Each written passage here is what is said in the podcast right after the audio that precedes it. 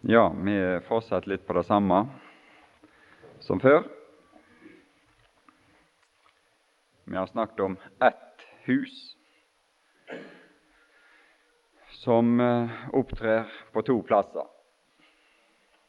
Det er jo ikke så lett å skjønne sånt rent tankemessig, men det er nå engang slik. Men det er jo mye i Guds ord som ikke er så lett å skjønne rent tankemessig men som vi likevel forstår. Forstår. Det, det Et menneske som ser Kristus dø på Golgata, skjønner at Gud er rettferdig når han rettferdiggjør den som har troen på Jesus. Men ser du ikke han dø på Golgata for deg, så kan du ikke forstå det. Eller? Så det er ting som liksom Det synet som, som, som på en måte skaper forståelse.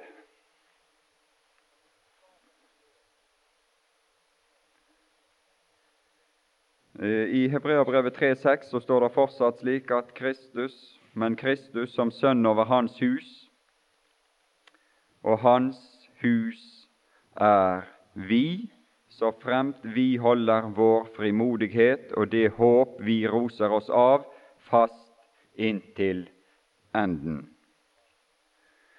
Og denne frimodighet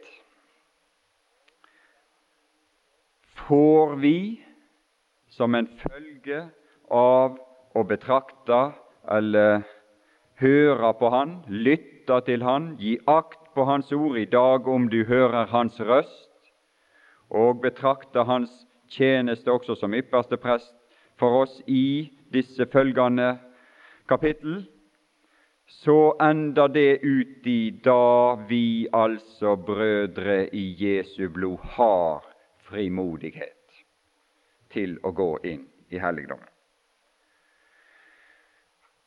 Og den kraft som skal til å rosa seg og holde fast på det inntil enden, den fås i denne helligdom, i dette Guds hus, som er i himlene, er dette evige Guds hus, ved å gå inn der og betrakte tingene der. Brødre, står det. Så har vi da altså brødre. Det som ligger denne apostel på hjertet, det er brødrene. I 3.1 så sier han jo derfor hellige brødre. Han er opptatt med samfunnet, han er opptatt med brødrene, han er opptatt med vårt ve og vel. Det er derfor dette er skrevet. Og det er derfor han er så dristig. Og det er derfor han kommer slike dristige ord og slike sterke utsagn, det er for å berge oss. Det er for å redde oss fra å gå under i verden, eller gå under i avvik av alle slags art. Og Det er derfor det er denne kraftige tilskyndelsen som vi får. Han, brødrenes sak, ligger han på hjertet hellige brødre. Da vi altså, brødre i Jesu blod, har frimodighet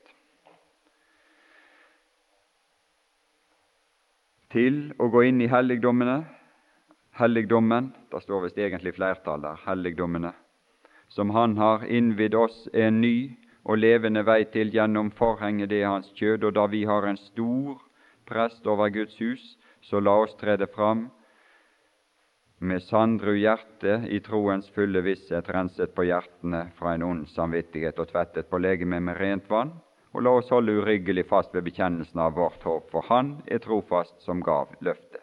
Det var denne inntreden i dette hus.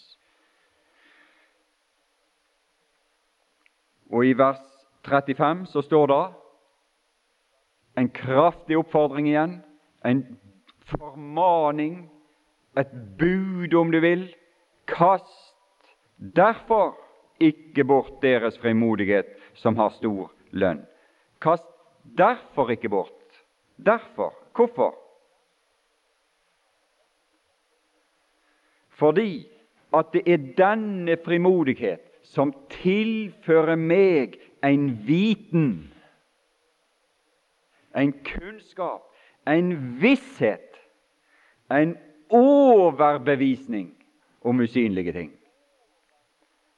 Det er når jeg gjør meg bruk av denne med frimodighet, at jeg blir overbevist om ting som ikke sees, nemlig, står det i vers 34, i slutten på vers 34, da dere visste Det hadde vært en tilstand, det hadde vært ei tid da de visste at de selv hadde en bedre og blivende eiendom. De hadde noe som var bedre enn godset her i verden, enn eiendommen her i verden, enn pengene og godset og det som de hadde her av eiendom.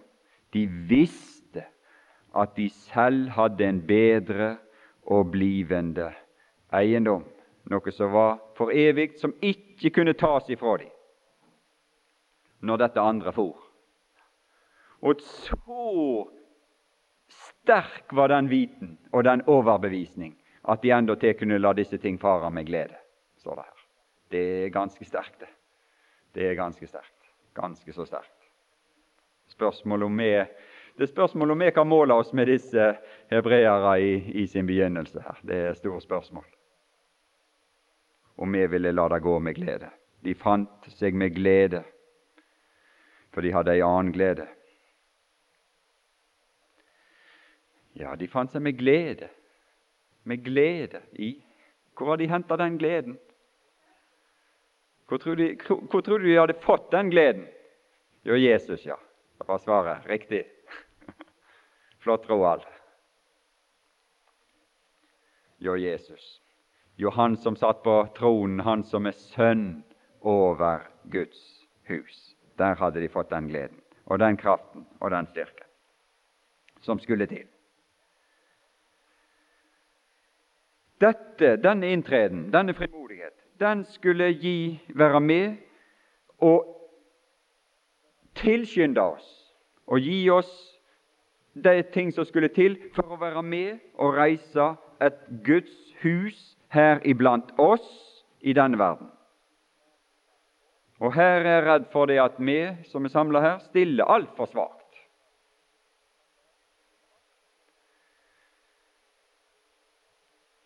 dette hus som skal reises her i verden, skal ha ei tjeneste. Det skal foregå ei tjeneste der òg. Og det skal være et innhold i dette hus. Og det skal være ei ånd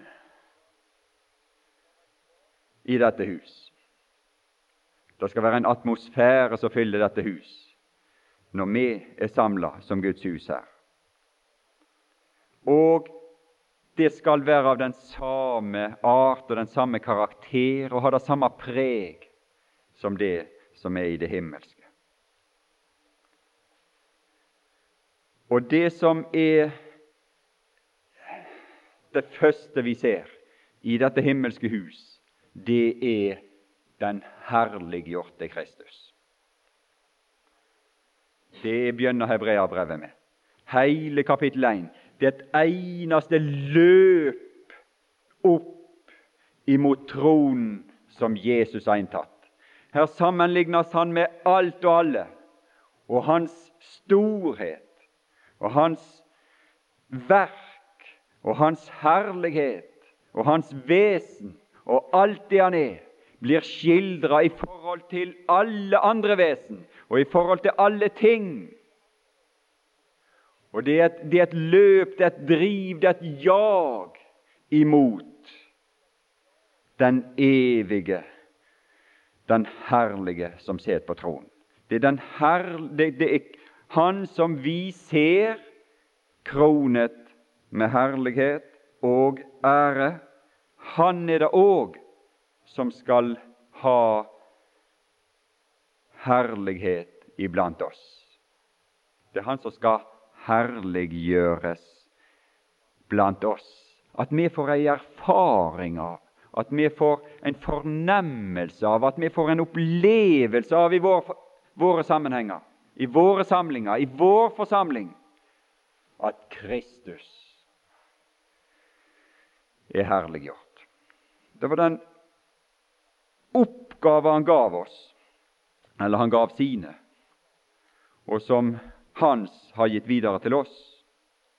Det var dette han talte om. Han hadde gjort ei gjerning, sa i denne verden. I Johannes 17. Dette talte Jesus, og han løftet sine øyne mot himmelen og sa, Fader, timen er kommet, herliggjør din sønn, for at din sønn kan herliggjøre deg. Sier han i vers 4, så taler han om si tjeneste så taler han om det som var hans oppgaver i denne verden. Og han gikk på denne jordens overflate, så hadde han ei eneste oppgave. Jeg har herliggjort deg på jorden. I det jeg har fullbyrdet eller fullendt den gjerning som du har gitt meg å gjøre. Det gjorde han, og det fyllende han til fullkommenhet. Det var hans gjerning. Og det som, er, det, det som, går igjen og igjen her, er at det forhold han hadde til Faderen, det forhold skal vi ha til Han. Og den gjerning han hadde i forhold til Faderen, den gjerning er det som vi skal ha i forhold til Han. Nemlig vi. Vår oppgave her nå, det er å herliggjøre Han på jorden. Nå sier han i vers 5 her Og nå herliggjør du meg, Fader, hos deg selv, med den herlighet som jeg hadde hos deg før verden var til. Og vi ser han i Hebreabrevet, herliggjort, kronet med herlighet og ære. Og det var ingen som kunne motstå seg det når han steg fram imot tronen, imot majestetens trone, majesteten i det høye. Og det var ingen som kunne hindre han i, i å kalle han opp der og sa Ta plass her. Set deg ned her. Set deg her ved min høyre hånd. Det var ingen som kunne hindre han. Det var ingen som kunne hindre den evige Gud å reise seg ifra sitt sete og oppløfte sin hånd og finne tilværelsens høyeste punkt, som var han sjøl. Etter at han hadde søkt gjennom alt, så fant han tilværelsens høyeste makt og høyeste punkt, nemlig seg sjøl. Og så svor han ved seg sjøl at du skal være her for evig. Du er prest til evig tid. Det var ingen som kunne hindre han i å gjøre det. Og nå herliggjør du meg, Fader, hos deg selv. Hos deg selv. Han sitter og er herliggjort. Og det er dette hus vi har tilgang til, som vi har snakka om. Men så sier han i vers 22 den herlighet som du har gitt meg, den har jeg gitt dem. Det er dyrebare gaver. Og det, det, det, er gitt oss for at vi skal ta vare på det. På samme måte som, som Paulus taler om den fagre skatt som er overgitt oss, så er denne herlighet gitt oss for at vi skal ta vare på den her iblant oss, slik at vår Guds hus iblant oss skal få det samme innhold, et, et samme innholdsart som det som er i det, det himmelske hus. Som du har gitt meg, den har jeg gitt dem for at de skal være ett. Og Her er en enhet. Her er steiner, her er, her er materiale som er føyd sammen i ett for at de skal være rett. Og dette er den eneste grunnlag for enhet som jeg har funnet i Guds ord. Det har med Han og Hans herlighet, og det er Han i himmelen, som hodet i himmelen. Det er det som, vi, vi, kan tale om at vi skal være enige. Vi kan tale om at Guds folk er så splitta i mange forskjellige menigheter og syn og forsamlinger og alt dette her. Vi kan tale om alt dette, og, at, og så går vi rundt og sier at nå må vi bli enige. Nå må vi slutte med denne splittelsen. Nå må vi slutte med alt dette her, her og liksom splitte oss opp i alle slags greier. Det er lett å si. For selvsagt den beste måten å gjøre det på, det er hvis alle blir enige med meg. Da blir det enighet. Hvis alle tror og mener og, og, og er det samme som meg, da blir det selvsagt eh, gode greier. Og da kan, da kan, vi, eh, da kan vi, liksom eh, være i lag. Det er, det, det, det, er jo liksom det som er ofte er den underliggende tanke. Men det er ikke det. Det er den herlighet. Har, enhet har noe med herlighet å gjøre. Og det er denne, det, det, det, de lærer. I Guds hus er det ei lære. Og den lærer som er i Guds hus, den er av Gud, eller den skulle være av Gud. Det kommer til så mange andre lærer når vi leser i andre Timoteus brev. Men den læren som var av Gud Hva slags lære er det? Johannes evangeliet, da står det støtt og stadig at han lærte. Jesus steg inn opp og lærte. Han lærte folket. Han lærte, han lærte. Jesus var en lærer. Han lærte. Hva er den rette lære? Jesus sier hva som er den rette lære.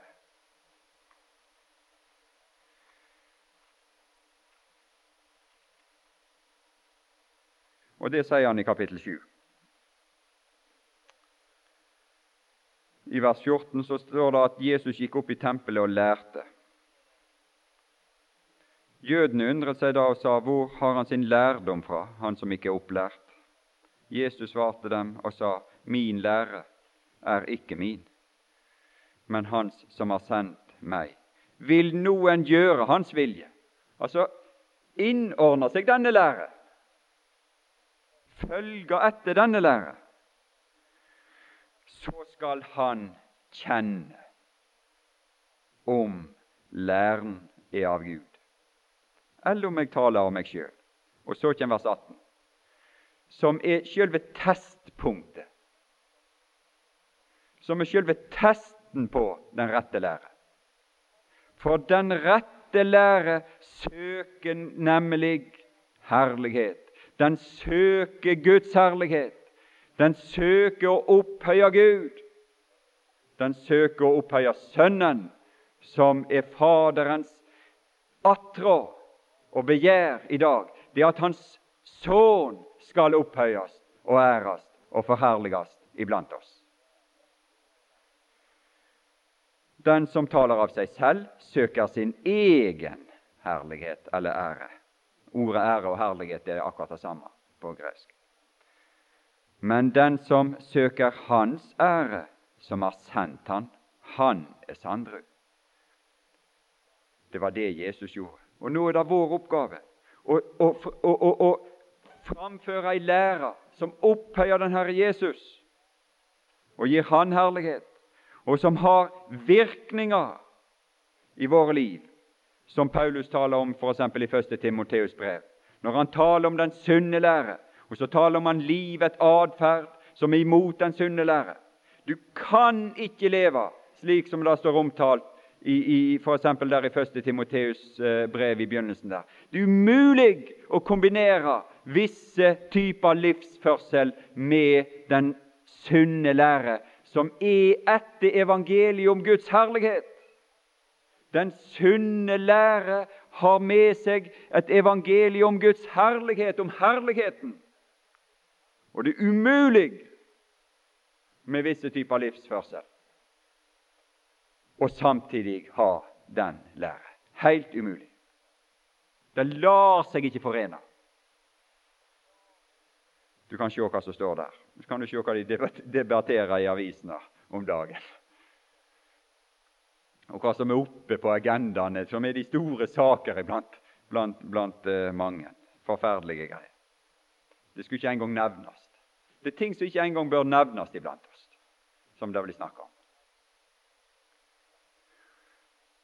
Men når Guds herlighet er iblant oss, så er ikke den slags snakk om engang. Det er ikke aktuelt men det er når denne herligheten ikke er iblant oss lenger, det er da vi får slike, slike spørsmål til diskusjon om forskjellige livsatferder og forskjellige måter å, å leve på i denne verden. Så her har du det.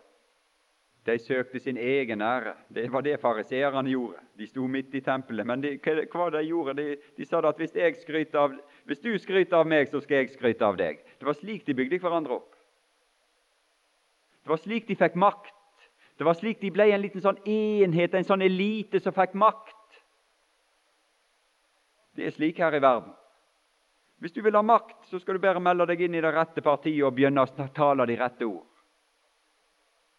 Det var en lærer som sa til meg, som jeg hadde, som sa en gang at nei, å komme på Stortinget var ikke vanskelig. Det var bare å tale folk etter munnen. Det var bare å tale de rette ord. Ja, Han beviste det sjøl, for han gjorde det. Han kom dit. Så det virka. Det fungerte. Men det er ikke det, er ikke det som står, det er ikke, det er ikke det som er Jesu lære. Det er ikke slik Jesus opererte. Det, var, det Slik opererte de i Johannes 5. da. Dere søker ære av hverandre, sa han. Liksom, Skal vi bli enige om at jeg skryter av deg, og så skryter du av meg? Og så jekker vi hverandre opp i makt og stilling og posisjon. Slik skjer det i verden. Slik skjer det i politikk. Slik skjer det i, i, under, på universitetet med de forskjellige posisjoner og stander og stillinger. Slik skjer det i, bedrift, i de store bedrifter, i de store byråkratiske organisasjoner. Det skjer på den måten. Jesus har beskrevet hvordan det skjer. Slik skjedde det blant fariseerne og saduseerne, på makt og posisjon. Så hvis, du, hvis, du, hvis, du vil, hvis, du, vil, gå den veien, så må du, må anvende, gjøre det samme som fariseerne gjorde. Finne noen, og, og, og liksom så kan du jekke deg opp. Men det er ikke Guds vei. Det er ikke den veien. Herren var ikke sånn. Jesus var ikke sånn. Han søkte ikke sin ære. Han søkte Faderens ære. Og han sier, Men så sier han det, at det er én som er nidkjær for min ære, for min herlighet. Det er én som søker den. Og hvis vi er i samfunn med Gud, så søker vi det samme som Han. Da søker vi Jesus sin opphøyelse og sin herlighet iblant oss. Og Der er han opphøyd, og der er han herliggjort. Og Derfor skulle han være det i vår egen forsamling også. Det er et, nå sa jeg det at det var et løfte som sto her i 10, 37, 38, knytta til det å trede inn i den helligdommen med frimodighet. Men nå, nå eh, går vi videre, og så går vi til det løftet som er knytta til dette å gi akt på hverandre så vi oppgløder hverandre til kjærlighet og gode gjerninger, og ikke forlater vår egen forsamling, som noen har for skikk, men formaner hverandre, og det så meget mere som dere ser dagen nærme seg. For det er nemlig et løfte knytta til dette òg. Og det løftet henter Hebreabrevet fra profeten Haggai i kapittel 12 i Hebreabrevet her. Der står det i vers 26 Hans røst rystet den gang jorden, men nå har han lovt og sagt. Det løftet er henta da. Du ser det under der det står Hagga i 2,6. Men nå har han lovt og sagt. Og her er løftet. Enda en gang vil jeg ryste, ikke bare jorden, men også himmelen. Men det ord ennu en gang gir til kjenne en omskiftelse av de ting som rystes, fordi de er skapt, så de ting som ikke rystes, skal bli ved. Dette er et løfte knytta til et arbeid i Guds hus her, på vårt sted, blant oss. Og jeg må si for min del så synes jeg at dette er altså et enestående salig løfte. Det enestående å kunne ha et slikt løfte over ei gjerning i denne verden. Ganske enestående. Det er et salig løfte fordi at tid, krefter, evne, utrustning, begavelse, eiendom og penger som du måtte ha, er det en mulighet til å sette inn i et evig byggverk. I evige verdier. Så de ting som ikke rystes, skal bli ved. Det er ganske så enestående. At det er mulig å omsette disse ting her i verden til ting som skal bli ved for evig. Og når denne dagen som vi ser nærmer seg, denne rystelsesdagen som ryster sund alt annet i denne verden, og alle byggverk og alle planer og alt som menneskene har fått til i denne verden, og mye av det som vi baler med, blir rysta sønder og sammen, så står det her du har en mulighet til å være med og gjøre noe og investere i noe som blir ved. Det skal bli ved. Og det skal ikke rammes av de rystelser som skal komme ganske snart. Dagen er nær når disse rystelser kommer. Det syns jeg er, er veldige ting. Dette løftet fungerte på Haggais tid som en vitamininnsprøytning for Guds folk. Det var rene vitamininnsprøytningen for dem.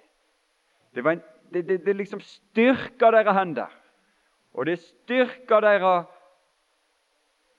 iver og entusiasme på det som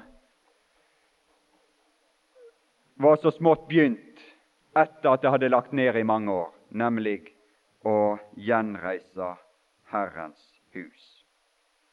Og Så får vi ta oss litt tid til å lese litt i profeten Haggai, eller kanskje enda mer litt eh, sånn helt til å begynne med i, profeten, i, i Esras bok, som eh, beskriver på en kan du si, måte omstendighetene for det hele, slik at vi greier å plassere Haggai.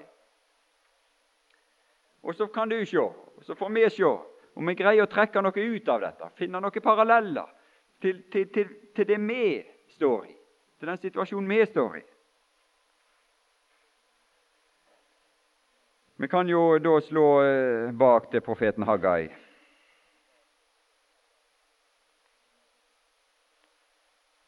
Så det, var, det, var, det var visst en som har sagt noe sånn at det, det er tolv sånne de, de, blir kalt for små profeter fordi de har ikke skrevet så veldig lange skrifter.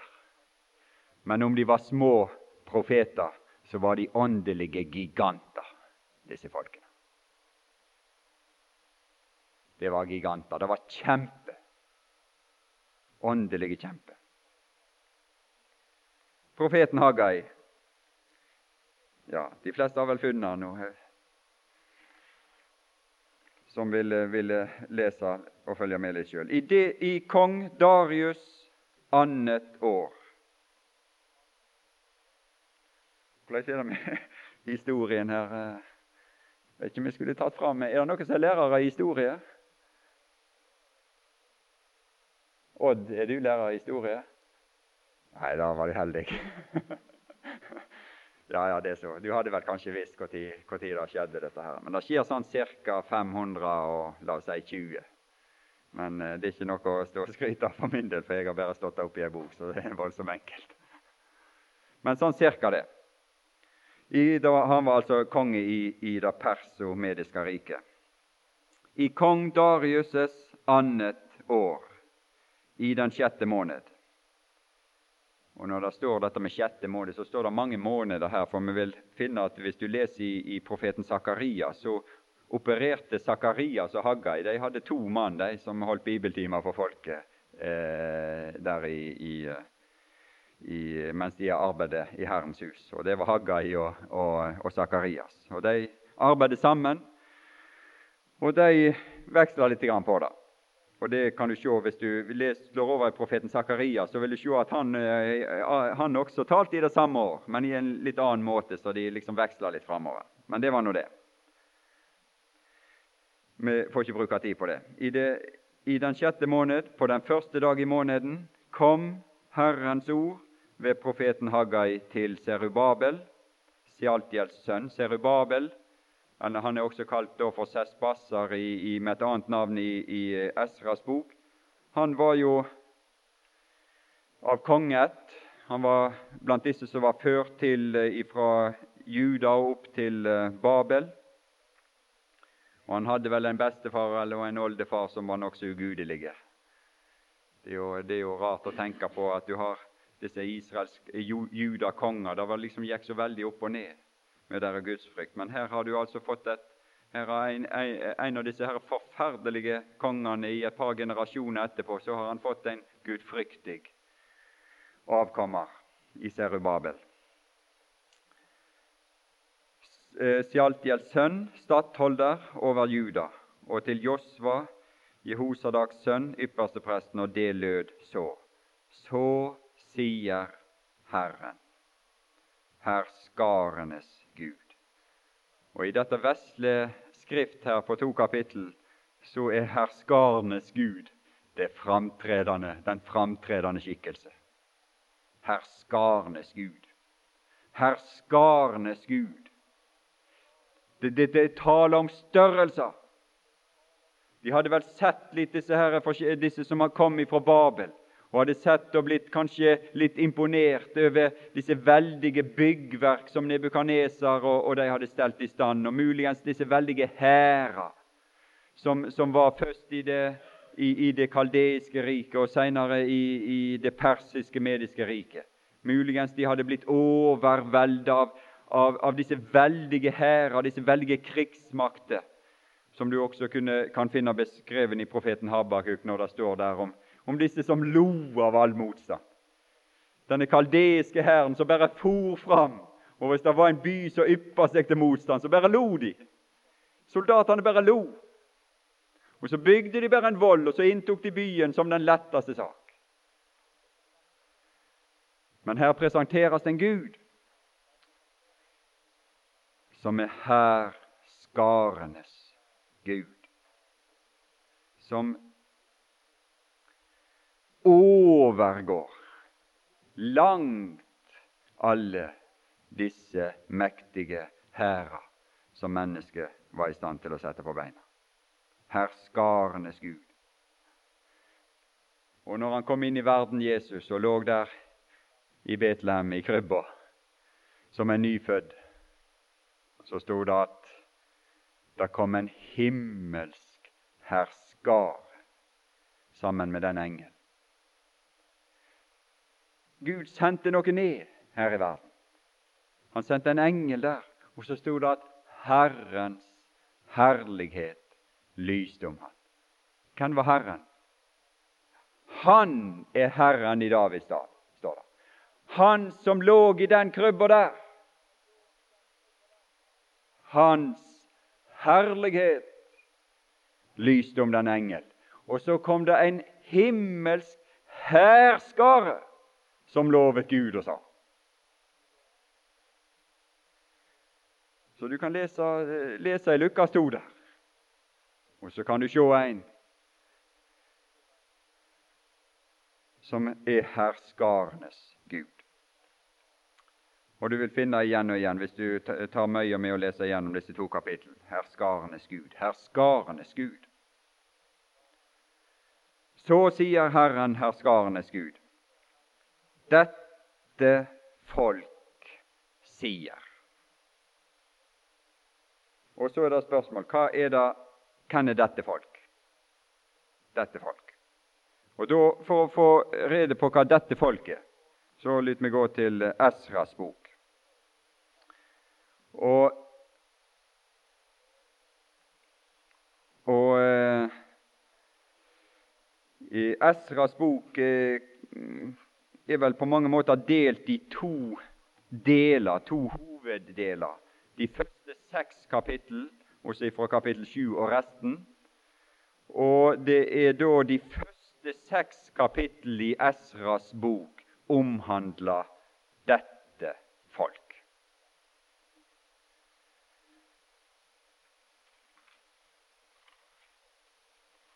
dette folk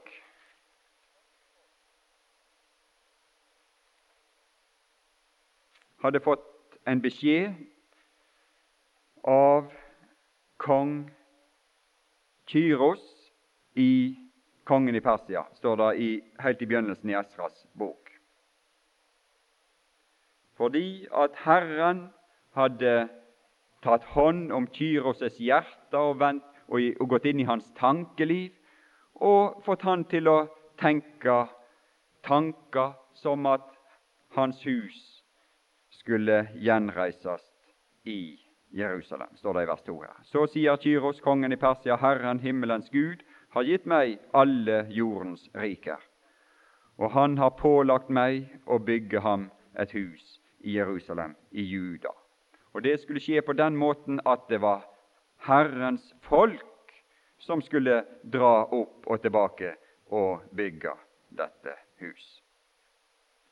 Og Så eh, eh, spør han om det er noen iblant Er det da er det noen iblant dere av alt hans folk, så være hans Gud med han, og han kan dra opp til Jerusalem i Juda og bygge Herrens Israels Guds hus. Han er den Gud som bor i Jerusalem. Og alle som ennå er i live,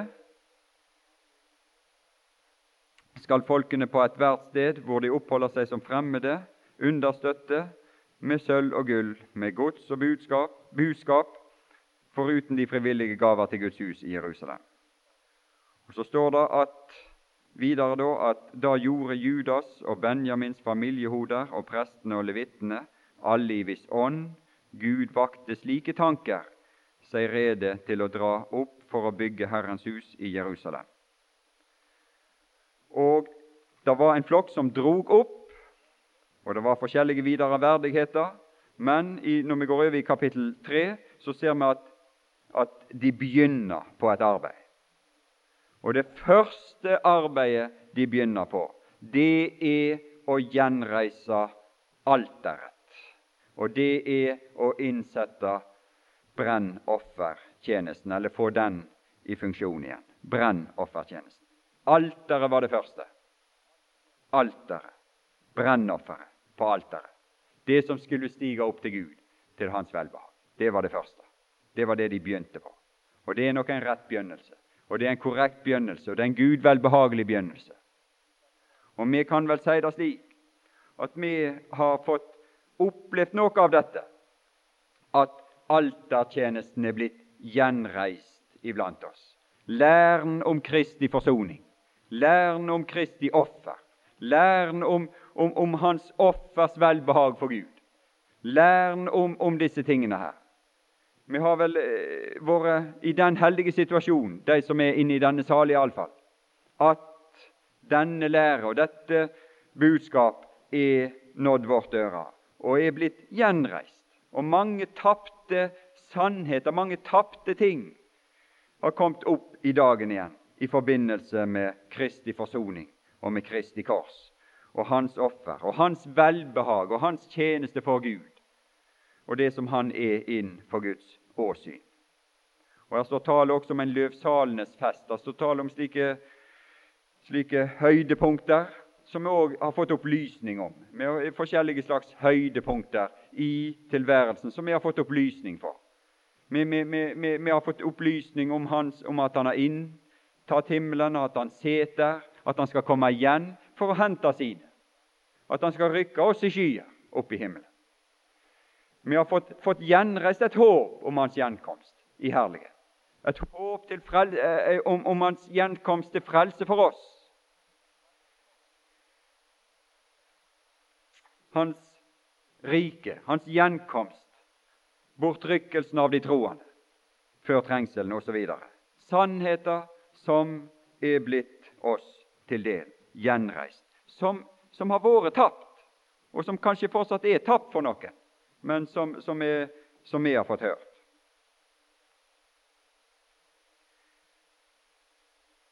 Det kan du lese om i, i begynnelsen på Esras 3, hvor de satte de var nøye med, og, og, og står det i vers 4, så holdt de løvsalenes fest, således som det er foreskrevet, og ofret brennoffer hver dag etter det fastsatte tall, og på lovbefalt måte.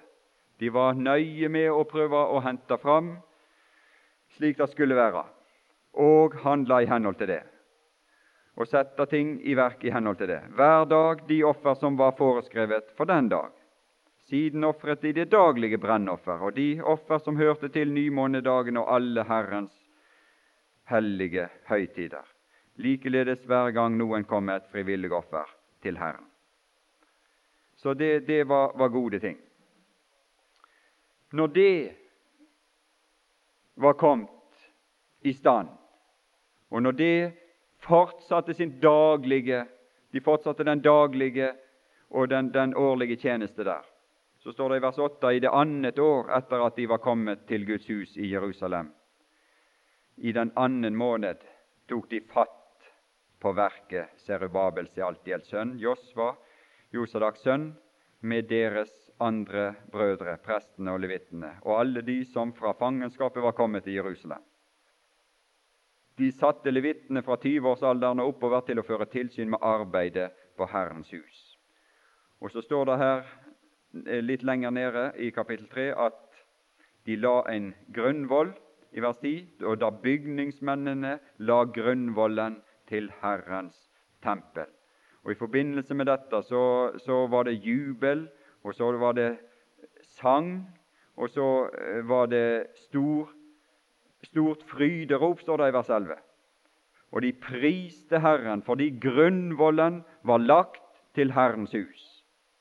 Og vi, vi kan være takknemlige for at vi har hatt slike som har hjulpet oss til å gjenreise troen på apostelen, uforbeholdne tillit, som vi kan ha til å bygge vår tro og vårt liv og hele vår, vår, vår virksomhet på denne grunnvoll, apostlenes og profetenes grunnvoll.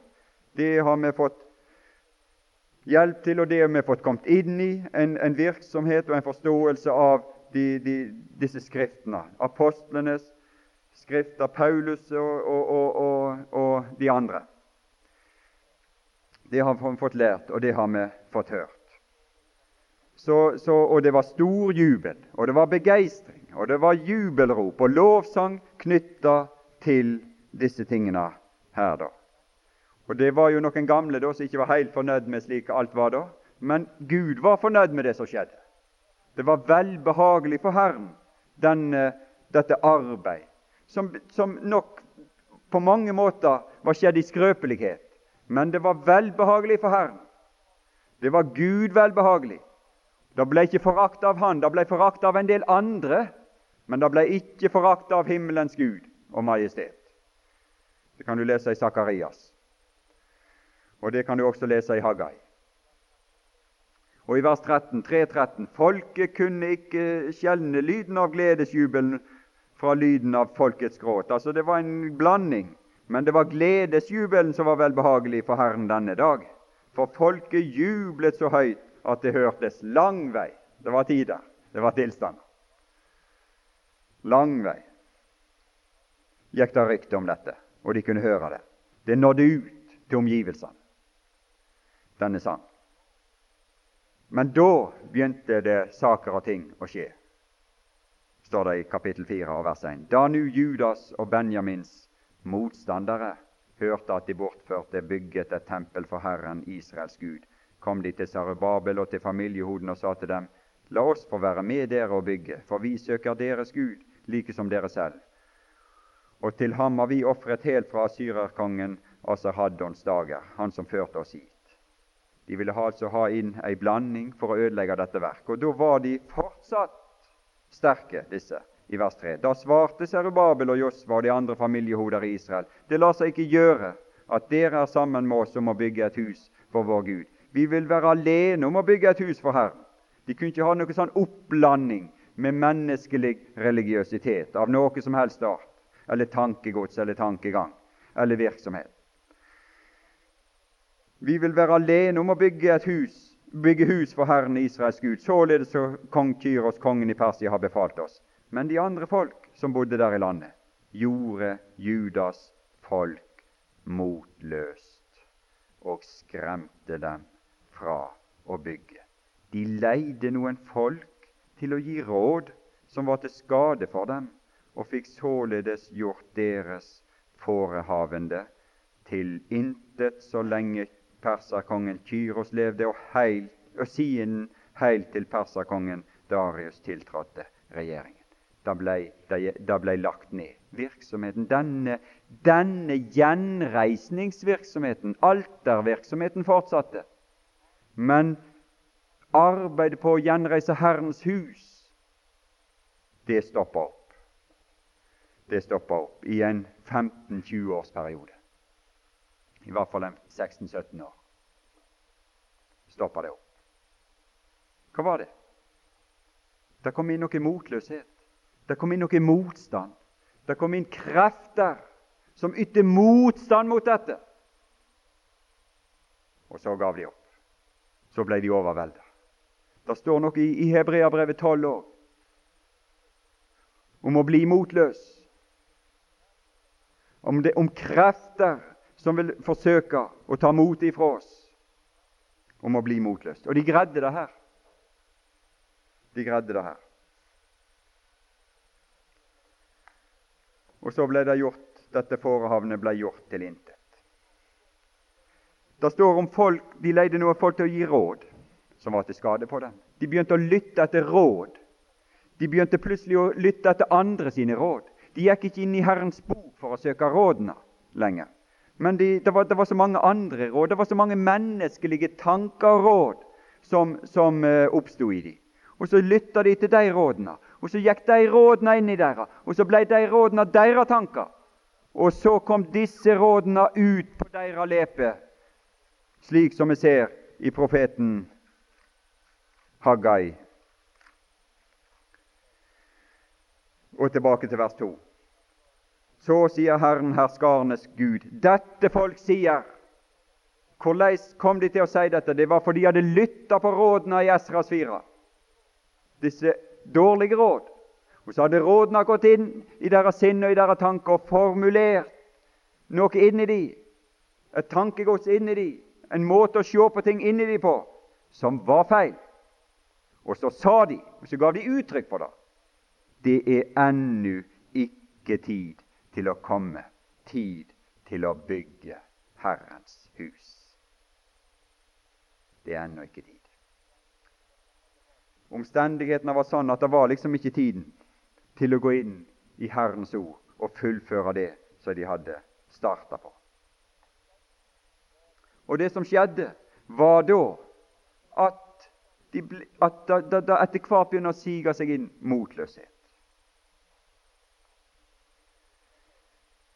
Jeg tror vi kan si det sånn, jeg tør si det sånn her nå, at mange av oss har opplevd forrige generasjons forkynnelse av Herrens offer, av alter, av ypperste prestens tjeneste, av Hans gjenkomst for oss, av Hans herlighet. Men det skulle ikke bygges noe hus, noe forsamling. Det skulle ikke, Vår egen forsamling skulle ikke gjenreises. Vi skulle holde oss til de etablerte sammenhenger, som var styrt etter menneskers sine lover og regler og bekjennelser, organisering og sekretærer. Og, eller det kunne være andre forhold som styrte det hele. En slags felles tilslutning til en del sånne ytre ting som ja, vi har et felles dåpssyn, og vi har et felles opplevelsessyn på visse områder. Altså, vi hører sammen. Det er grunnlag for kirkesamfunn sterke personer, sier læra, som Paulus taler om i 1. Korinterbrev, som er grunnlag for at jeg holder meg til den, og jeg holder meg til den, og jeg holder meg til den.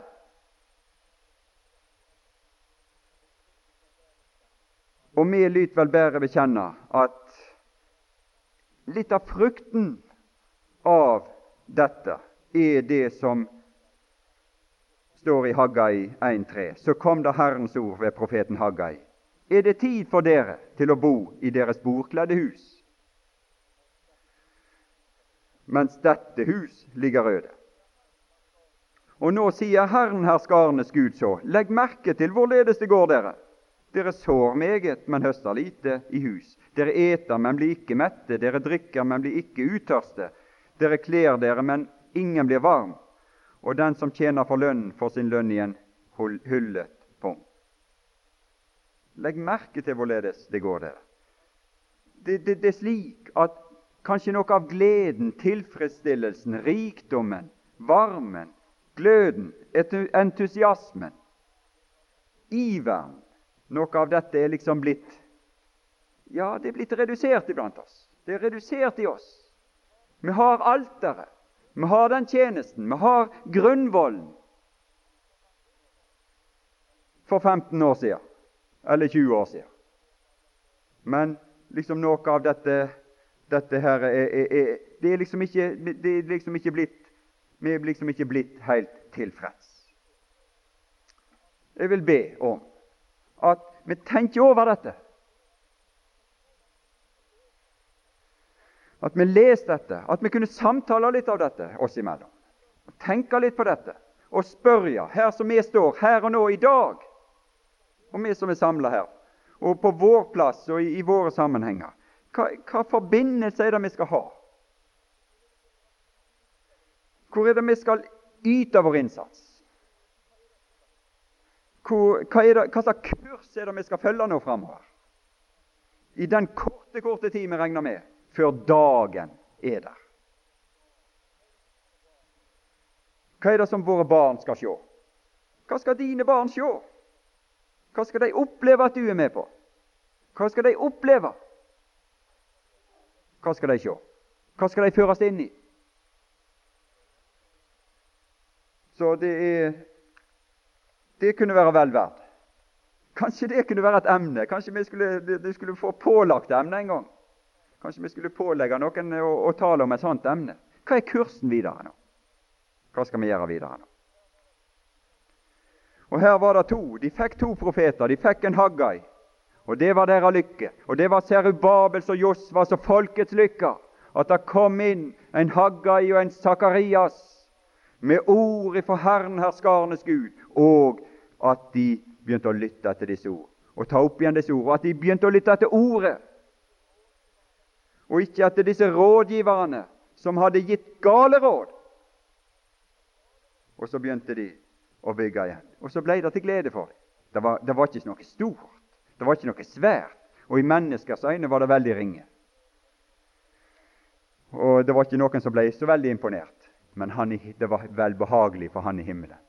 Og han gav et løfte knytta til dette. At dette som de nå har gjort, sier han i kapittel 2, etter at de hadde begynt å bygge, det skal ikke underlegges forgjengelighet og rystelser, men det skal bli til evig tid. Det er løftet. Det er det salige løftet det. Så eh, Nå er jo tiden gått, så eh, kan vi kanskje bare se litt videre i dette her. Men eh, jeg vil gjerne liksom da prøve å stimulere litt til, til sånne samtaler. At vi ikke liksom ja, Vi får la Kirken være kirka. Slapp av ifra det. da. Det, det, det liksom, la, la de drive på med sitt. Så får vi tenke på hva er vår kurs, hva er vår vei framover. Hva skal vi gjøre for å kunne være med at det var noe på vårt sted som het vår egen forsamling, der Herrens herlighet var det som ble søkt opphøyd og søkt være på tronen. Og at ut ifra det kunne lyde noe og være noe for oss som er der, og ut videre. Herre Jesus, vi takker deg igjen for ditt ord. Det er et velsigna ord. Og vi ser her eh, og lytter til ditt ord. Det, det, det er liksom nesten godt uansett det om det ikke er godt. Men vi veit det at det, det er et hjerte, er sjel, er trang, er omsorg for dine brødre som ligger bak alle dine ord. Det er en nidkjærhet for dine brødre. Det er et ønske at dine brødre skulle få med seg noe i denne verden og i den evigheten. Herre Jesus, ta deg av oss den enkelte, ta deg av oss her, og ta deg av oss på det stedet vi bor, den enkelte. Og med det er mange her som sukker, og det er mange her som ser på mange måter mørkt på framtiden og situasjonen. Det tror jeg nok. Men Herre Jesus, kanskje vi skulle lytte litt til dine profeter og kunne bli, få en tilskyndelse, kunne få en vitamininnsprøytning til å kunne være med og gjenreise noe av det tapte i den korte tid som er igjen, før dagen er der, da alle denne verdens ting og det som menneskene har organisert, også også i ditt navn, alt dette her blir underkasta rystelser, så det ryster sammen og blir ingenting av. Men det som er gjort i deg, det blir, det blir, det blir ved. Herre Jesus, ta deg av den. Ta deg av oss. Vi ber om det.